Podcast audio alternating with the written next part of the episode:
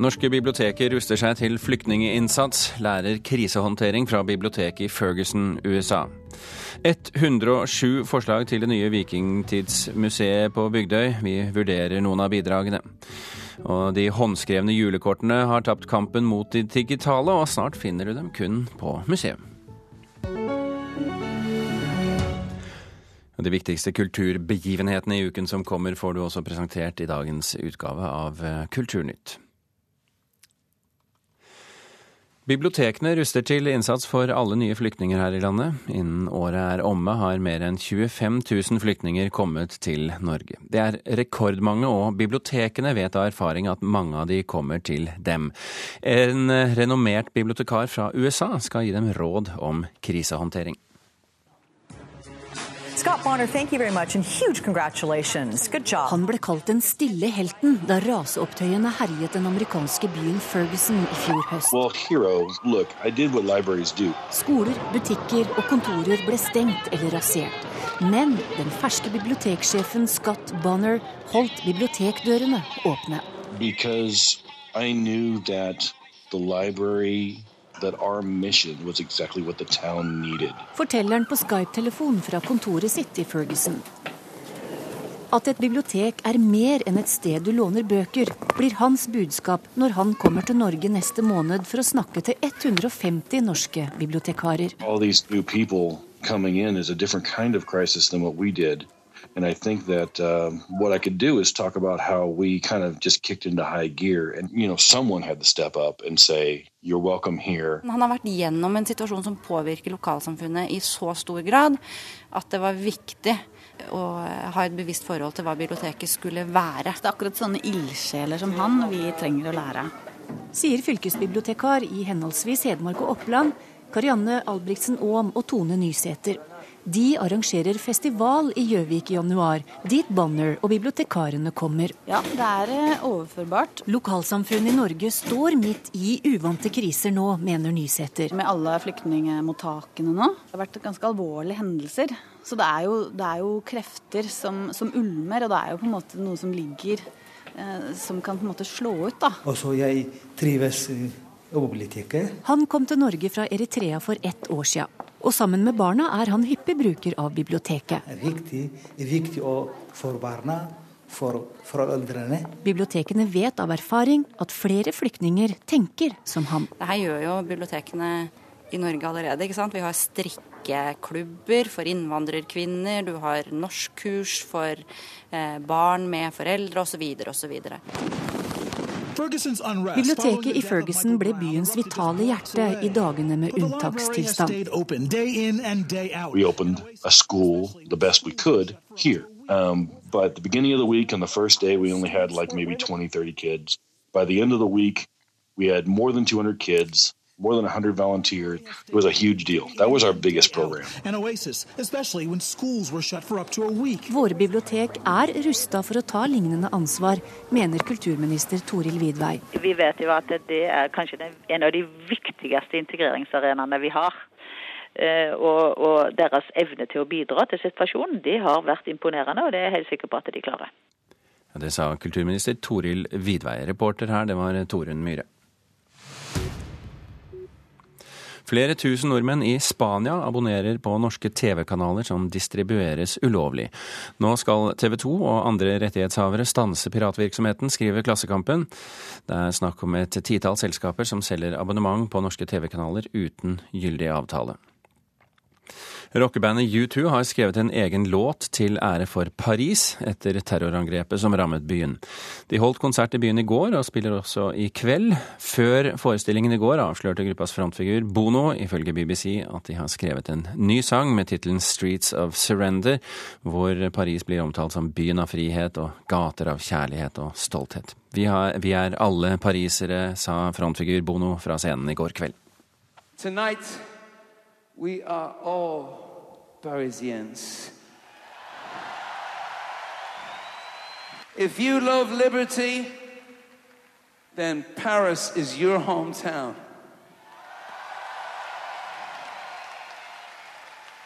We have few words to speak to the loss that you are feeling in this city tonight. even if we think we know a little something about grief, I guess grief is like a wound that never fully closes. Sorg er et sår som aldri fullt ut lukker seg, sa altså Bono i Paris i går. Og spekulasjonene går nå om bandet Eagles of Death Metal, som spilte på konserten på Bataclan under angrepet den 13. november, vil dukke opp på scenen sammen med U2 i kveld. Men de vet ikke, det er foreløpig bare rykter.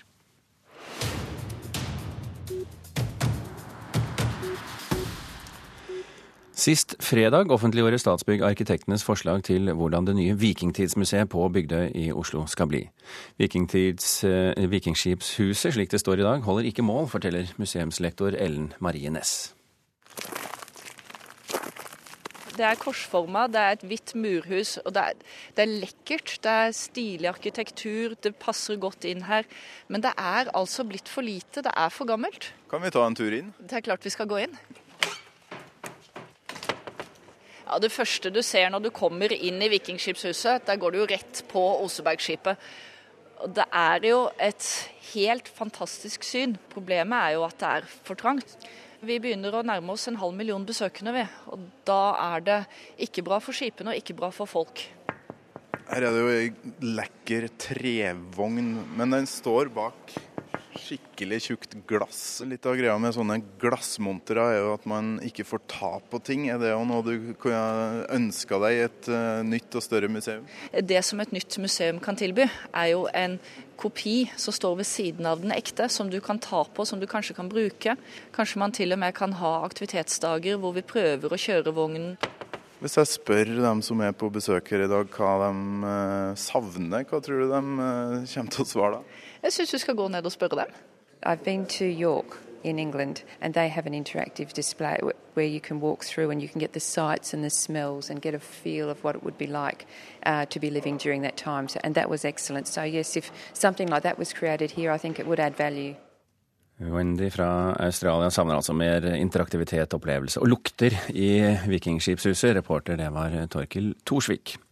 Direktør ved Kulturhistorisk museum Håkon Glørstad, får Wendy oppfylt ønsket sitt, tror du? Det med luktene får vi nå se litt på, men at det skal bli mer interaktivitet, det vil hun definitivt få oppfylt ønsket sitt på. Hva slags type interaktivitet ser du for deg at et vikingskipshus skal, skal huse? Ja, Det er på mange forskjellige nivåer. Vi kan tenke oss aktiviteter der barn kan være med og oppleve vikingtidens håndverk. Bueskyting, ro med båter eller seile med modellbåter osv. Men også en form for informasjon som skal aktivisere besøkende som er mer genuint interessert i vikingtiden. 107 forslag ble altså offentliggjort nå på fredag. Hva syns du om de forslagene du har sett? De er veldig varierte. De bygger på mange forskjellige konsepter, slik jeg bedømmer det. Nå har jeg bare sett ett bilde fra hvert forslag. Men det skal bli veldig spennende å gå videre med de forskjellige alternativene og, og se hva, hva, de byr på når man går i detaljene. Arkitekt og professor ved Arkitekthøgskolen i Oslo, Thomas Thies Evensen. Hva syns du om forslagene som har kommet inn? Ja, Det er jo som det sies en ganske liten informasjon fra hvert prosjekt. Men nå skal man huske på at når det gjelder en sånn konkurranse, så er ideen arkitektens utropstegn. Det er altså ekstremt viktig for en jury å se på hvilken idé man har, og da er det innenfor den moderne tradisjon faktisk tre typer kategorier som man kunne samle disse 107 prosjektene innenfor, og forsøke å vurdere dem i forhold til ideen. Vær så god. Ja, altså For det første så er det viktig at ideen har en forutsetning, et premiss. Og den ene premisset er det huset som står der. Det er kanskje noe av det aller viktigste. Det er juvelen, og inni der står originalen. Og dette er altså Arnebergs eh, korsformede Nærmest formet som en kirke. Nærmest. Meget sakral der den står. Og jeg syns jo det med luktene er svært vesentlig, jeg, da. Man forandrer ikke Louvre fordi at det er litt for stor avstand til Mona Lisa-bildet.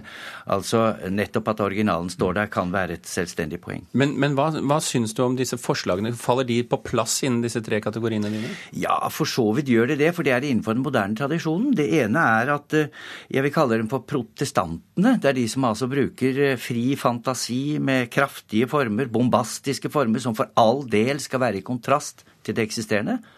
Og så har du den andre kategorien. Det er symbolistene som prøver med nedgravninger og uh, ringmurer og med gravhaugassosiasjoner og gi en slags svar på vikingtidstankegangen. Og det andre er det jeg kaller for teknokratene. De som nærmest er stoppet i 1960-tallets arkitekturuttrykk. Hva foretrekker du? Jeg må si at jeg er litt svak for symbolistene, eh, i den forstand at eh, man har den tendensen nemlig alltid at man ser en abstrakt form, tvinger den til å bli et bilde. Og da bør det bildet være i samklang med det som er hovedtemaet, og det er Vikingskipsmuseet. Men syns du, ut fra de, eh, altså dette enkeltbildet av hvert forslag, at du kan, eh, kan, eh, se noen gode forslag her? Jeg er litt svak for de som graves ned. Det er jo graden av nedgravning, selvfølgelig, kan jo diskuteres. Men det som har med bakken å gjøre, det man har tatt opp av bakken å gjøre, ringmurstankegangen, voldetankegangen. Men det primære må jo være at selve det premisset, det gamle huset som står der fra før, at det får en fri beliggenhet. Hvor viktig er det for dere, Glørstad? Vi er også opptatt av at det skal bli et eh, arkitektonisk uttrykk som står i stil med det bygget som står der, og kulturmiljøet. Men det som er aller viktigst for oss, det er å få et bygg med utviklingspotensial, hvor vi kan drive godt museum i mange, mange tiår framover. Men vikingene er jo, er jo, Norges varemerke på sett og vis. Det er uh, pussig nok, kan man kanskje si, Tenk på hva de holdt på med. Det er en felles verdensarv også. Det er, dette skipet som står inni der, er jo et av de ypperste uh, kulturminnene i verden, slik jeg har, har hørt deg si før. Um, men et bygg uh, Du må jo da løfte dette frem uten å ødelegge det. Er det enkelt? Ja, så Det vil jo alltid være et potensial for konflikt mellom arkitekturen og det arkitekturen skal vise fram. Og Det som blir spennende å jobbe med nå, det er å se hvordan har de forskjellige arkitektene prøvd å løse dette. Hvordan skal man vise verdensarven, men gi det en, en påkledning som uh, står i stil til budskapet? Jeg syns ordet påkledning var i grunnen godt, godt, det. Fordi at uh, det er alltid slik at en arkitekt må vurdere formen, funksjonen og teknikken til en helhet. Men det viktigste for publikum er at de får en slags duft, for å si det slik, av vikingtidens verden, og at det da kan løses uh, funksjonelt. Tenk på uh, disse som uh, de store monumentalbyggene vi har, f.eks. Operaen. Den er jo faktisk store isflak som tørner sammen på en strand. Tenk på Astrup Fearnley-museet, som er at du tar opp og ned seilene i et seilemiljø. Eller f.eks. den den eh, vikingskipet på Hamar. Altså, De har alle billedkraft, og det er kanskje noe av det viktigste juryen må legge eh, vekt på. Det er at dette er ikke, slik som noen av prosjektene synes å vise, et, et, en, en, en, handelshall eller bananhall. Det er faktisk et museum for vikinger. Hvis du må velge eh, symbolkraft eller, eller funksjonalitet? Da satser jeg på en heldig kombinasjon. Jeg må si det. Det var diplomatisk. ja, ok. Takker så mye Håkon Glørstad og Thomas Thies Evensen for at dere kom til Kulturnytt. Klokken har blitt 16 eh, minutter over eh, åtte. Dere hører på Kulturnytt, og dette er toppsaken i Nyhetsmorgen eh, nå. Langt flere menn kjøper sex i julebordsesongen enn ellers, ifølge politiet i Oslo. Vannet er på vei ned igjen etter flommen på Sør-Vestlandet. Nå starter oppryddingsarbeidet. Og i Frankrike har det ytterliggående høyrepartiet Nasjonal Front vunnet minst 6 av 13 regioner i første runde av regionvalget.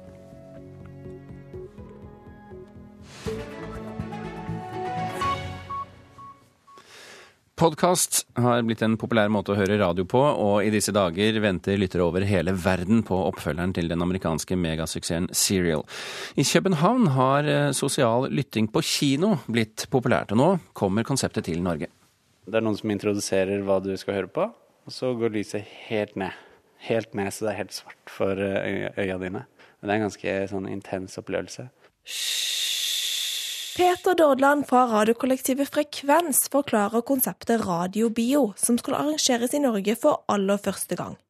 I kveld åpner St. Edmunds Church dørene for folk som vil høre på podkast sammen. Det er jo ikke så langt fra alter til uh, bakveggen der. 20 meter eller noe sånt. Det er ganske intimt. Og intimt må det være, mener Dordland, for å bryte med den konvensjonelle måten å høre podkast på. Kakerlakken kommer inn med altså en så stram anbefaler eh, rett og slett eh, dårlig søvn, for, og da blir man litt sånn speeda. Ja, man blir det. Man blir det. Birgitte Tengs er jenta på konfirmasjonsbildet. Tusvik og Tønne, Misjonen og Uløst er noen av de største podkastene i Norge. Men det var denne lyden som for alvor satte podkast på kartet. Amerikanske Serial er verdens mest populære podkast, og sesong to er ventet hvert øyeblikk. An inmate at a Maryland correctional facility. From This American Life and WBEZ Chicago, it's Serial. One story told week by week. I'm Sarah Koenig. Men kan radiokino erstatte kinofilmen? Vet du, det tror jeg ikke. Sier Kristin Berg, programdirektør i Nordisk Filmkino. Hun mener likevel at sosial radio har mange fellestrekk med et kinobesøk. Man ler sammen, man gråter sammen, man har på en måte, man klyper hverandre i armen. Har en felles uh, opplevelse. Så det tenker jeg bare sånn Yes, dette er ganske gøy. Dordland har store planer for Oslo Radiobio, som foreløpig skal arrangeres tre ganger denne vinteren. Eh, og så er jeg jo åpen for, hvis folk liker dette, eh, å ta det rundt på alt fra ja, festivaler Det hadde vært gøy med en radiobio kanskje oppe i skogen et sted.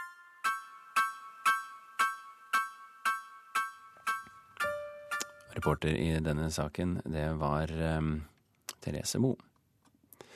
Denne uken blir nobelprisene delt ut. I Norge blir det feiret med bl.a. utstilling og konsert. og det, skal, eh, det skal vi snart snakke om her i studio. Men først noe av det andre som skjer denne uken.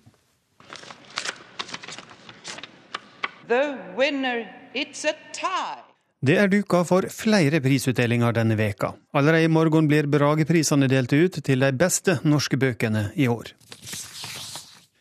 Samme kveld skal Hege Storhaug presentere boka si 'Islam den ellevte landeplage', med påfølgende debatt i Oslo. På onsdag er det klart for den årlige Munch-auksjonen. I år er det 50 skisser og trykk som skal under hammeren. Bl.a. litografi av det syke barn og måneskinn. Priset i år går til den vitryska författaren Svetlana Aleksejevitj. Torsdag, på dødsdagen til Alfred Nobel, blir nobelprisene delt ut. I Stockholm får hviterussiske Svetlana Aleksejevitsj litteraturprisen. The Norwegian Nobel Committee has decided that the Nobel Peace Prize for 2015 is to be awarded to the Tunisian National Dialogue Quartet. Samtidig blir fredsprisen delt ut i Oslo, der prisvinnerne også skal åpne den årlige fredsprisutstillingen på Nobels fredssenter.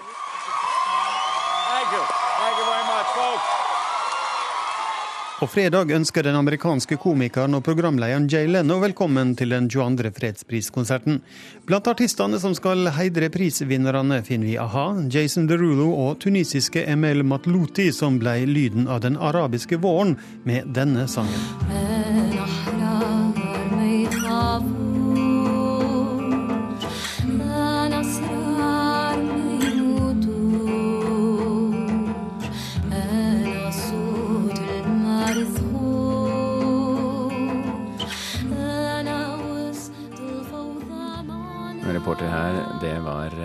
Eh, Alnes. Bente Eriksen, velkommen til eh, Kulturnytt. Takk skal du ha. Din siste utstilling på eh, Fredssenteret. Ja, det er veldig rart. Det er, det er siste av alt disse to ukene, faktisk. Det er siste utstilling, det er siste utdeling, det er siste konsert, det er siste Ja. Er du ute av huset? Så er jeg ute av huset. Ferdig. Men vi, ikke, vi, kan, vi trenger ikke snakke så mye om deg akkurat nå. Nei, fint. La oss snakke om selve utstillingen. De som husker da denne fredsprisvinneren ble annonsert. De vet at vi var nede på Nobelsenteret, og så fortalte du om alt som skulle gjøres uh, før uh, dere var klare med en ny utstilling. Nå er dere klare med en, utst en ny utstilling. Hva har dere gjort? Ja, Det er jo det som er så spennende da, når vi står her og lurer på hvem som får fredsprisen, og hvordan vi griper an det vedkommende har gjort. Det er jo det som er jobben vår, å presentere fredsprisvinnerne og deres arbeid. Og da er det jo analysearbeidet. Så det vi har gjort, det er jo uh, Vi forteller selvfølgelig om kvartetten intervjuer de fire i kvartetten. Vi forteller om Tunisia, fordi det er jo simpelthen et land som veldig mange nordmenn ikke vet om. Vi har en tidslinje som sier noe både om kvartettens arbeid og hva som skjedde i Tunisia etter Jasmin-revolusjonen. Men ikke minst, vi trekker frem resultatet av kvartettens arbeid, nemlig en moderne grunnlov i et moderne land. Og det er det viktigste som har skjedd. Og så er det selvfølgelig da Kristine Lore som har gjort scenografien, og som gjør at jeg tror det blir spennende for folk å se. Men hvordan viser dere det frem? Blir det skrift på vegg og ferdig med det? Ja, du kan si det blir jo skrift på vegg og ferdig med det. Det blir bilder, også selvfølgelig, fordi vi har bilder fra Tunisia, vi har film.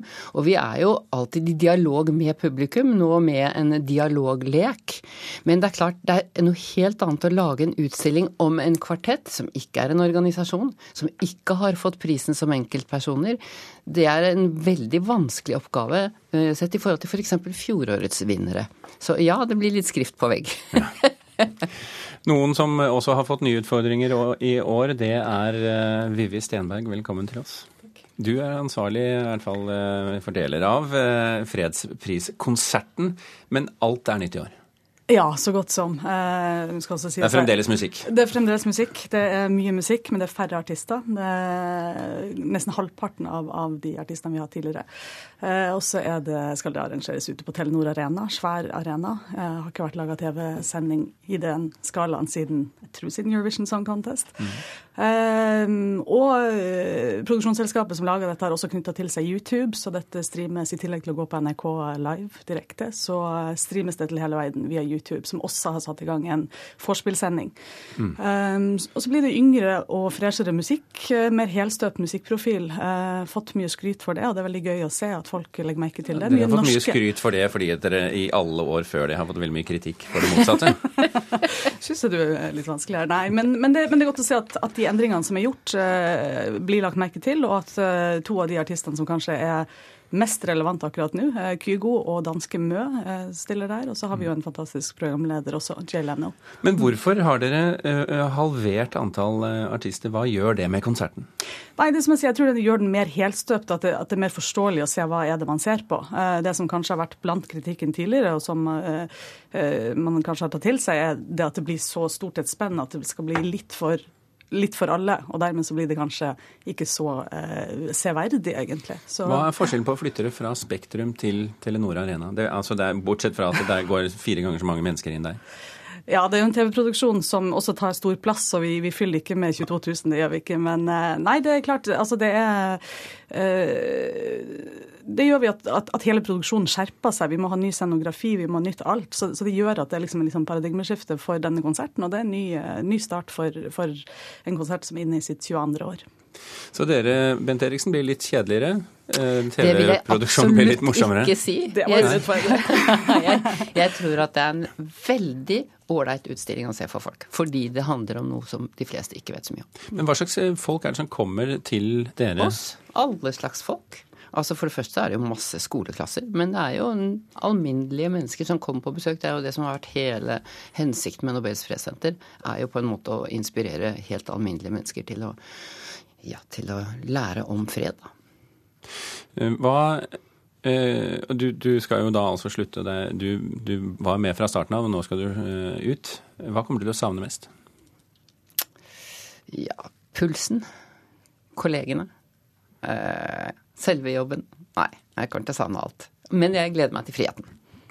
Bent Eriksen og Vivi Stenberg, tusen hjertelig takk for at dere kom til oss.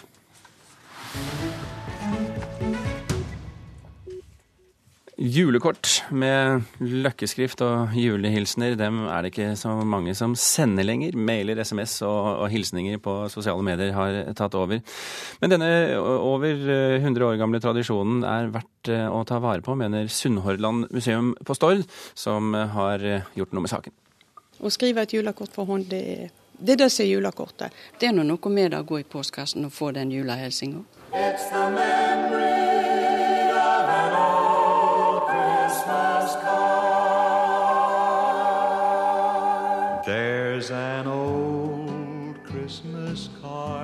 Et bilde av en nisse, eller en engel, eller kanskje et strålende juletre.